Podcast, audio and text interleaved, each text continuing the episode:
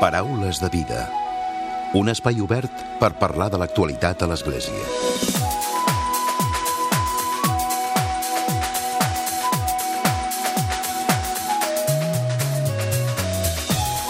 Què tal? Salutacions i molt bon dia, molt bon diumenge. Montserrat torna a proposar un cap de setmana monàstic amb els seus tallers que s'adrecen a homes d'entre 18 i 35 anys. L'objectiu és donar a conèixer la vida monàstica i la recerca espiritual entre els joves.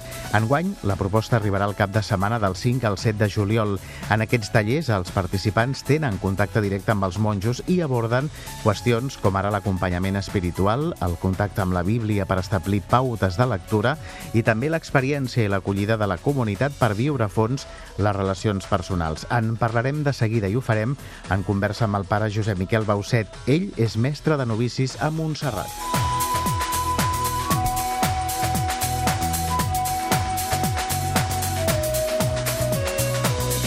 I avui també parlarem de la Fundació Salut Alta, que posa en marxa la campanya Motxilla 2019, amb l'objectiu, en aquest cas, d'aconseguir finançament per les activitats d'aquest estiu. Es tracta d'una campanya de microdonacions econòmiques que l'entitat badalonina llança cada any per recaptar fons per les propostes de lleure de l'estiu. Com a novetat, a banda de les donacions online i per transferència, enguany es podrà fer també un donatiu mitjançant un codi de l'aplicació de Visum. Avui tornarem a recordar la tasca que fa aquesta fundació Fundació i coneixerem els detalls per poder participar-hi. Ho farem en conversa amb l'Anna Martínez, responsable de comunicació de la Fundació.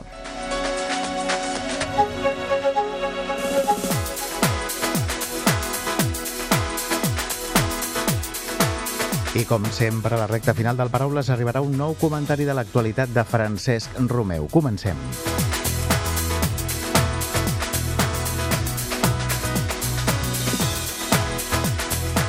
Saludem, ens acompanya a través del telèfon el pare Josep Miquel Bauset. Molt bon dia i benvingut al Paraules de Vida.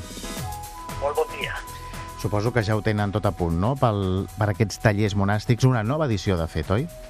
Sí, és una nova edició. En vam fer una uh, durant el Tridu Pasqual i, i ara farem la segona edició. Normalment en fem tres l'any uh, sobre Setmana Santa, el Tridu Pasqual, sobre al voltant de Sant Benet i després eh, cap a eh, desembre la Immaculada. Uh -huh. S'ha preparat en aquest cas pel cap de setmana del 5 al 7 de juliol. Parli'ns una mica de què és el que s'ha programat des del divendres i fins diumenge.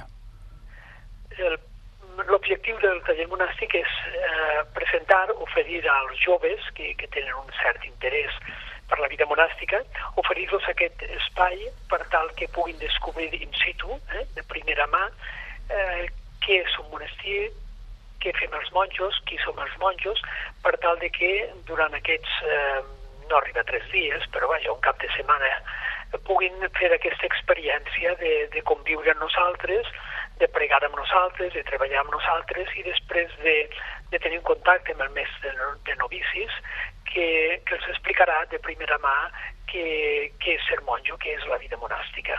Són uns tallers que tenen una acollida important, oi?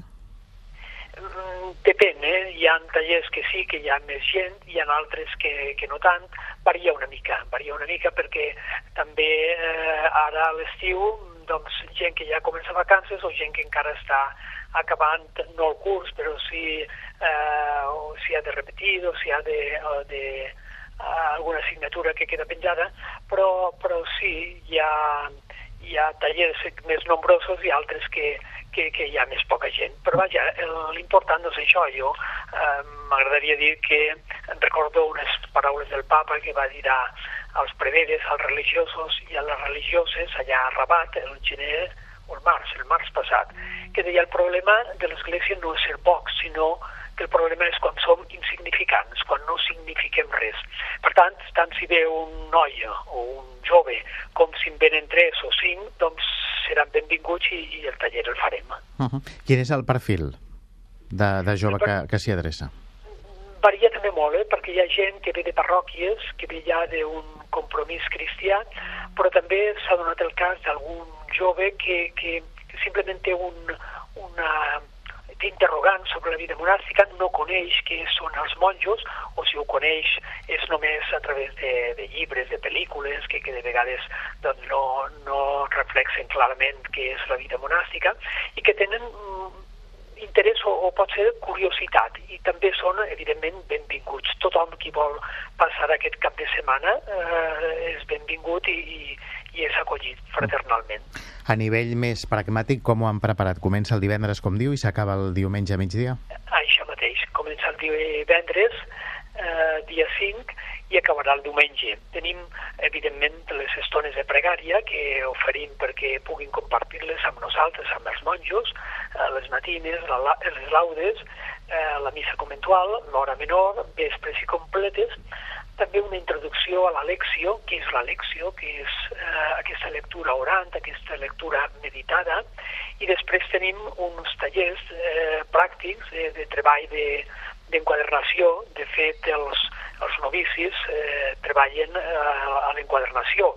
I l'enquadernació sempre és, jo dic que és com una paràbola de la vida monàstica, perquè la vida monàstica serveix per, mm, per reestructurar, per, per reparar, per restaurar tantes i tantes vides com, com, com estan destruïdes o desestructurades i de la mateixa manera que els llibres entren en el taller eh, trencats, eh, molts d'ells desfets, i després surten nous, eh, la vida monàstica, però també la qüestió de, de l'hostatgeria, de quan venen a passar uns dies, també refà les persones, també guareix les persones, també restaura les persones.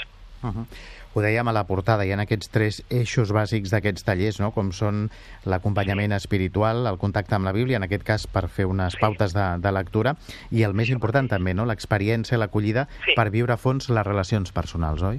Sí, sí, sí, sí. De fet, la vida monàstica, la vida cenobítica, és això, és una vida de comunió, és una vida en la que les relacions són o han de ser relacions fraternes, és una vida en la que, eh, sense conèixer-nos de res, abans d'entrar al monestir, ens reconeixem després com a germans. I això és tot un treball espiritual per tal d'anar, doncs, doncs això, reconeixent l'altre eh, com, com el meu germà, com el proisme. Tantes vegades Jesús, eh, la paràbola del bon samarità, per exemple, qui és el meu proisme? Li pregunta aquell home. I Jesús, en compte de fer un discurs, doncs li posa una paràbola, li posa un, un conte. Doncs eh, aquests joves que venen també volen que descobreixin, encara que sigui d'una manera molt, molt eh, poc temps, eh, en, en, en un cap de setmana, que descobreixin que la vida monàstica té sentit, que les relacions fraternes és el que dona sentit a la pròpia vida. Diguéssim que és un tast, no?, a la vida monàstica. Sí, això mateix, és un tast, i de fet, alguns que han fet el taller monàstic després eh, tornen a, a venir al monestir per tal de fer una estada una mica més llarga, per tal de parlar amb el mestre de novicis, per tal d'aprofundir una mica el que eh, durant el cap de setmana del taller monàstic han pogut viure. Uh -huh. Per a Josep Miquel Bauset, ell és el mestre de novicis de Montserrat. Gràcies avui per haver-nos acompanyat al Paraules de Vida. Moltes gràcies a vosaltres i bon dia. Paraules de vida. Un espai obert per parlar de l'actualitat a l'Església. I la segona convidada d'avui és l'Anna Martínez. Ella és responsable de comunicació de la Fundació Salut Alta. Amb ella parlarem en els propers minuts de la nova campanya Motxilla 2019. Anna, bon dia i benvinguda. Hola, bon dia. Ja està tot en marxa, no?, per aquesta campanya. Ja l'heu posat en marxa? Sí, sí. Ja fa uns dies que hem començat i, de fet, podem dir que l'inici ha estat molt bo, molt positiu. Fem un balanç molt positiu perquè ja hem superat el 30% uh -huh. de, del repte que tenim. Quin és el repte? Dir, vosaltres el que busqueu és finançament per a les activitats que feu amb els nanos eh, per aquest estiu, pel mes de juliol. Ah, exacte. Nosaltres durant el curs fem un, uns projectes, unes activitats i de cara al juliol canvia completament l'organització i fem dues setmanes de casal d'estiu, una de colònies per infants de primària i cinc dies d'acampada per adolescents de secundària. Uh -huh. Tenim... És dir, molta activitat. Molta activitat. I però això també suposa un, un cost uh, i per, és per aquest motiu que llavors llancem la, la campanya, en aquest cas Motxilla 2019, amb un repte econòmic que aquest any és de 7.500 euros. Uh -huh. Això són els diners que heu calculat que necessiteu per desenvolupar les activitats. Això seria un... una part. Una part, exacte. Aproximadament un 15%. És, al final és, és una petita part, tot i que per nosaltres el repte és important. És, és molt gran, perquè sobretot es planteja com a campanya de microdonacions. Això vol dir que, que sobretot s'adreça moltíssima gent a fer una petita aportació en, en creure aquestes activitats de lleure que fem i, i doncs poder portar un, una petita part. Uh -huh. Ara després parlarem de l'activitat que feu des de la Fundació Salut Alta, però per la gent que avui ens estigui escoltant i que vulgui col·laborar, com, com s'ha de fer? Doncs oferim tres possibilitats. Uh, bueno, sí, més o menys són tres possibilitats. Per una banda, tota la campanya la tenim penjada a la nostra pàgina web, que és www.fundaciosalutalta.org o posant a Google no? o a Google Fundació mateix. Salut Alta, ja t'aporta la... exacte, sí, i fins i tot amb Motxilla 2019 també també surt. també surt, aleshores uh, hi ha una possibilitat de, de fer un donatiu online que, que més o menys és amb quatre dades que, que es demanen i el funcionament és molt similar com quan es fan algunes compres via internet. Uh -huh. uh, també es pot fer una transferència pel, amb un compte bancari que, que també podeu trobar a la, a la pàgina web. Exacte. Uh -huh. I la novetat d'aquest any eh, ens hem volgut atrevir una miqueta i posar la novetat que hi ha a través d'una aplicació que és el Visum, que sobretot també és per fer donatius a través de, del mòbil eh, i tenim un codi que és el 33399 Uh, I també és, és, un, uh, és un nou mètode que obrint l'aplicació i anant a l'apartat de fer alguna donació a alguna entitat... I posant aquest codi. Posant aquest codi i també es pot escollir la, la quantitat a donar i, i ens arriba directament. Per tant, diguéssim que hi ha moltes opcions, no? sí, no intentem facilitar-ho, exacte. Uh -huh. I, I si no, sempre amb les dades de contacte de, de l'entitat, qualsevol truc, doncs també, també es pot facilitar. Uh -huh. Parlem de la Fundació Salut Alta. Esteu a Badalona i què és el que feu, Anna? Nosaltres treballem amb infants i famílies del barri de la Salut, eh, que, exacte, com bé dius, està a Badalona, i està una part una miqueta més perifèrica de, de la ciutat, tocant gairebé en Santa Coloma. El barri de la Salut eh, té un, un alt nombre de, de població i també d'infància, i sobretot podríem dir que la situació de les famílies sobretot amb les que treballem, eh, estan dins el, el sector aquest que, que es diria en risc d'exclusió social. Algunes eh, no tenen ni garantit el dret a l'habitatge, ara actualment ens trobem en moltes situacions uh, problemàtiques a nivell d'habitatge, altres a nivell de feina, d'idioma, de, de tenir una normalització dels papers. Aleshores, són molts factors que, que això afecten a les nostres famílies, però sobretot també als seus fills i filles. Clar. Aleshores, durant l'any nosaltres treballem a través de projectes educatius i de relacions socials a les tardes, eh, oferint com a aquest suport una miqueta després de... Extraescolar. Extraescolar, exacte. I durant l'estiu sí que fem totes aquestes activitats per potenciar més la part de, del lleure, uh -huh. que, que com sempre diem no és només passar uns dies de, de colònies o una, una acampada o un casal, sinó és molt més els aprenentatges que, que van vinculats i al voltant d'aquestes activitats. I al final invertir en, aquesta, en una setmana de colònies doncs és invertir en molts aprenentatges, relacions socials i al final tot unes competències que ajuden al creixement personal d'aquests nens Clar, i nenes. Diguéssim que no és entretenir els nens durant el mes de juliol, sinó que hi ha una... una un, un treball educatiu, sí. De fet, també en aquest sentit, clar, les activitats d'estiu tenen un cost molt elevat, també perquè tenim educadors socials professionals, professionals. Que, perquè a vegades ens trobem en col·lectius que també és important que, que sigui una feina professionalitzada. Clar, de fet, eh, és molt important, suposo, el voluntariat, però també és important que hi hagi gent Un professional. Sí. No? sí, per nosaltres la combinació és perfecta, perquè al final l'educador social doncs, també Uh, té tot unes línies de treball i, i com dèiem, doncs, aquest suport educatiu doncs, molt més, i amb el vincle i l'acompanyament que també tenim durant el curs doncs és molt més fort, però també tenim molts voluntaris que, que, que també al final, més de, amb una tasca de monitor de lleure, ens ajuden a tirar endavant i, i a fer aquestes activitats una miqueta també més, més vives i, i més properes als infants. De fet, sou molta gent, no?, durant aquest mes de juliol, que estareu treballant. Sí, sí, sí. L'equip educatiu, en aquest sentit, de, de la Fundació, sí que és entre els 6 i els 12 educadors, o sigui, depèn ah. de, de la setmana i les activitats, però, però tenim un equip de voluntaris que de moment aquest any està el... tenim uns 15 voluntaris i molts d'ells són nous i hi ha moltes ganes de, de col·laborar amb aquestes activitats i això també ens dona molta energia per ara iniciar-ho. De, de viure la, la primera experiència, no?, amb la Fundació. Sí, exacte, sí, sí, molts... Alguns han, han tingut algun contacte amb nosaltres, altres més de, de nom, de dir, ostres, doncs em van proposar això a l'escola uh, i, i ara m'he engrescat a dir, doncs mira, si realment tinc una setmana del juliol i, i puc col·laborar amb vosaltres, perfecte. Uh -huh. I llavors la, la motxilla 2019 és més de dir, doncs potser no tothom té el temps per venir a passar uns dies amb nosaltres, però també volen col·laborar amb aquestes activitats, doncs ho poden fer econòmicament. Uh -huh. Ara parlaves no, del fet de que teneu a infants, a joves que provenen de famílies vulnerables, no? de famílies eh, que tenen un entorn complicat. Per tant, l'essència és el fet de, de dir que l'estar a l'estiu, tenir colònies o tenir unes activitats és un dret per un infant, no? Sí, per nosaltres és més... Eh, poder-ho marcar així, com a garantir el dret lleure, uh -huh com un altre dret, com el que dèiem de l'habitatge o de gaudir d'una feina i d'una situació més o menys normalitzada. Uh, ara ens trobem, això, en famílies que, que moltes d'aquestes els drets bàsics que diríem no estan garantits i sembla que a vegades diguem, ostres, doncs el dret al lleure doncs seria una cosa secundària.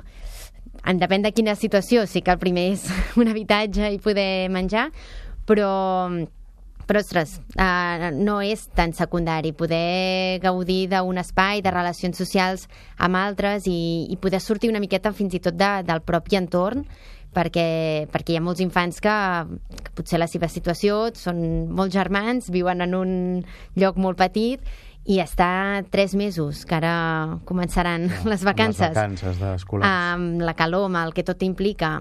I al final també en un barri que no, no té espais uh, verds ni espais així molt, molt oberts. Un entorn agradable, Un entorn no? agradable, exacte. I sí que, que per sort, en aquest sentit, doncs, Badalona facilita l'accés a la platja, té algun, algunes coses, però al final si, si la família tampoc no, no acompanya durant totes les hores o perquè potser ha de treballar o té altres obligacions o al final tres dies a la platja ja, ja, ja donen de sí doncs és oferir uns dies també diferents i, i el que deia, sobretot remarcant la relació amb altres, el treball d'hàbits eh, saludables, el quotidià, tot unes altres coses que, que amb uns educadors al costat doncs, també és més fàcil. Mm. Com va el marcador fins ara, Anna? Ens queda poc temps, però com va?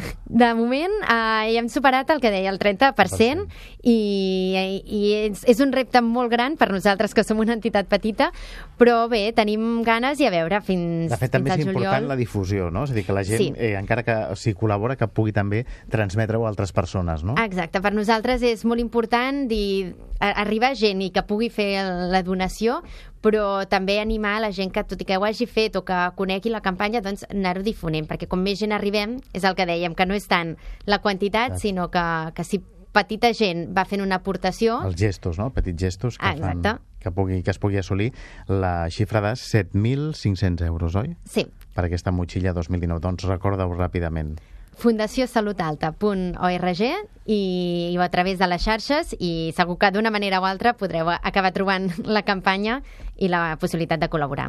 D'aquest fer aquest gest solidari. Anna Martínez, responsable de comunicació de la Fundació Salut Alta, gràcies per haver-nos acompanyat avui. A vosaltres. Paraules de vida. I tot seguit arriba el comentari de l'actualitat de Francesc Romeu. Francesc, molt bon dia. Molt bon dia a tothom. Després de sis anys ja de l'elecció del papa Francesc i de la creació d'aquell grup de vuit cardenals de tot el món, ara ja només són sis, perquè l'ajudessin en la necessària gran reforma del Vaticà i de l'Església Mundial, l'anomenat grup del C6, sembla que per fi tindrem una reforma profunda de la cúria romana. Pel que hem pogut saber, segons uns dels grans mitjans de comunicació religiosa dels Estats Units, el National Catholic Reporter, es tracta d'un esborrany que corre ja per totes les conferències episcopals del que serà la nova Constitució Apostòlica sobre la cúria romana i que pot ser que es tituli Predicati Evangelium. També hem pogut veure l'entrevista que Religión Digital ha fet al secretari secretari d'aquest Consell de Cardenals, l'italià Marcello Semeraro, prestigiós canonista i bisbe d'Albano. Segons sembla, aquest nou document, amb un pròleg i unes 243 mesures, substituirà el text del papa Sant Joan Pau II, el Pastor Bonus del 1988, i estableix una nova reestructuració de la burocràcia vaticana i recorda que la finalitat de la cúria no és la de ser una estructura de poder, sinó una estructura de servei, especialment de servei als bisbes i a les conferències episcopals. Per tant, es demana que la cúria procuri una profunda descentralització de l'Església, la qual cosa significa deixar en mans dels pastors diocesans la facultat de resoldre en l'exercici del magisteri ordinari els problemes i les qüestions que ell coneix més bé i que no tenen res a veure amb la unitat de la doctrina i de la comunió de l'Església Universal. Tant és així que la cúria ha de tenir com a objectiu la comunió recíproca entre el papa i els bisbes i no ha d'assumir una actitud de vigilància o de control, ni otorgar-se la facultat de decidir com si fos una autoritat superior. Si és així, la cúria s'ha de centrar en la recopilació de les millors pràctiques de l'Església arreu del món, de tal manera que pugui actuar com una espècie de plataforma i de fòrum de comunicació per les esglésies particulars.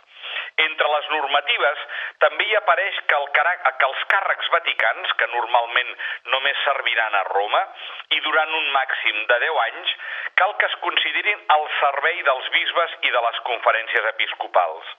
En el text també es demana necessari d'involucrar més els laics, fins i tot en importants papers de lideratge dins de la mateixa Església, especialment en aquelles àrees vinculades a les realitats temporals.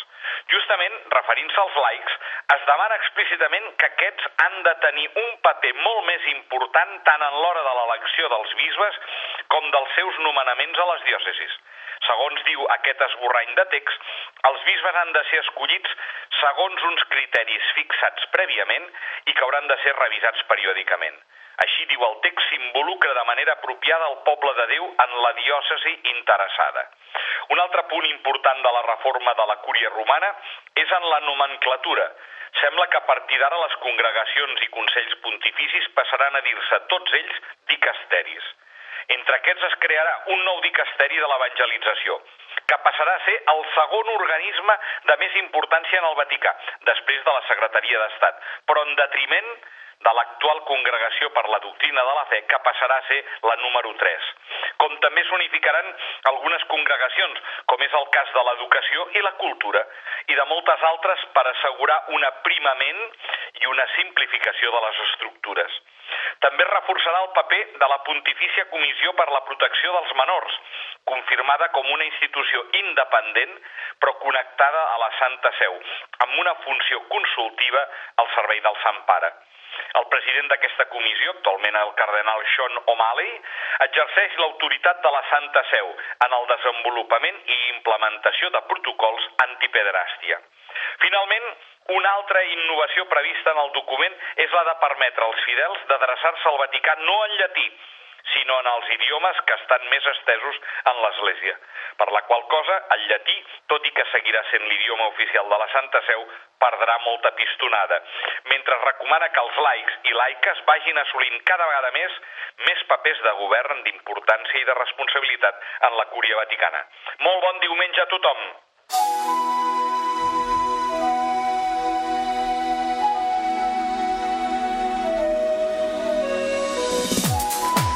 Fins aquí el Paraules de Vida d'aquest diumenge d'aquesta setmana. En Sergi Cotillas ha estat el control tècnic i qui us ha parlat, l'Emili Pacheco. Que passeu bon diumenge i molt bona setmana.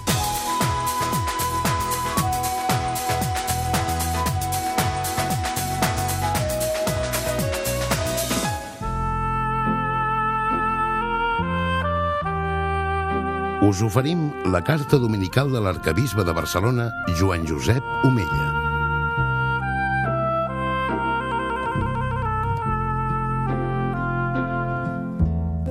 Déu vos guard. Aquest any, en una setmana, tindrem l'oportunitat de celebrar dues festes que es complementen. El diumenge, dia 23 de juny, la festa del cos i la sang de Crist, Corpus Christi. I el divendres, dia 28, la festa del Sagrat Cor de Jesús. Justament en guany se celebra el centenari de la consagració d'Espanya al Sagrat Cor de Jesús. Celebrarem dues vegades la mateixa festa de l'amor de Déu encarnat en Jesús? Quan pensem en Jesús present en l'Eucaristia i també en nosaltres, pensem en allò que és ell, l'amor de Déu en la nostra vida. El papa Francesc ha escrit als joves i a tot el poble de Déu. Crist és viu i sempre és present en la teva vida per tal d'omplir-la de llum i alliberar-la de tot el dolor i de tota soledat. Encara que tots t'abandonin, a ell sempre el tindràs al teu costat, diu el papa. Avui aquest pensament em fa fixar la mirada en una joia de la nostra diòcesi, el temple del Sagrat Cor de Jesús al cim del Tibidabo. Quina sort! Cada setmana milers de persones hi pugen sense saber què hi trobaran. Tornen, però, a casa contents d'haver-hi pujat. A qui se li va ocórrer construir un temple allà dalt? Mirem enrere i fem memòria. A finals del segle XIX, Barcelona vivia un ràpid procés d'industrialització que comportava una immensa immigració de famílies amb adolescents i joves que vagaven pels carrers sovint sense llar, sense escola i sense feina. L'any 1884, Don Bosco, ja vellet i amb fama de sant, des de Turí, al nord d'Itàlia, gràcies a la mediació de la gran benefactora Dorotea de Chopitea, va enviar els primers salesians a Barcelona perquè hi acollissin i formessin aquells nois del carrer. Dos anys més tard, el mateix Don Bosco va venir a Barcelona convidat per aquesta benefactora barcelonina amb dos objectius, consolidar la seva obra al servei de la joventut i cercar benefactors que ajudessin a acabar la construcció de la Basílica del Sagrat Cor de Roma. Doncs bé, el 5 de maig de 1886 Don Bosco va anar a la Basílica de la Mercè per acomiadar-se de la Mare de Déu. Allà se li van apropar uns senyors de les confreries de Sant Vicenç de Paul i li van cedir la propietat d'uns terrenys al cim més alt de la serra de Collserola perquè hi construís una ermita al Sagrat Cor de Jesús i així evitarien que es fes un ús de la propietat que ells no veien amb bons ulls és dir, un gran casino. La reacció de Don Bosco va ser d'agraïment. Segons les cròniques, aquestes van ser les seves paraules. Estic conmogut per la inesperada prova que em doneu del vostre sentiment religiós i de la vostra pietat. Us ho agraeixo. Heu de saber que sou instruments de la divina providència. Amb el vostre ajut, sorgirà aviat sobre aquesta muntanya un santuari dedicat al Sagrat Cor de Jesús. Tots tindran l'oportunitat de, de, de rebre-hi els sants sagraments. Avui la profecia de Sant Joan, Bosco ha esdesvingut una joiosa realitat. Quants fidels pugen cada dia al temple del Tibidabo per sentir Jesús més prop seu. Tenim prou motius per agrair a Déu aquest regal del seu amor benvolguts germans, no deixem de confiar en el Senyor que ens estima amb un amor sense límits i diguem-li, Sagrat Cor de Jesús, en vos confio. Us hem ofert la carta dominical de l'arcabisbe de Barcelona, Joan Josep Omella.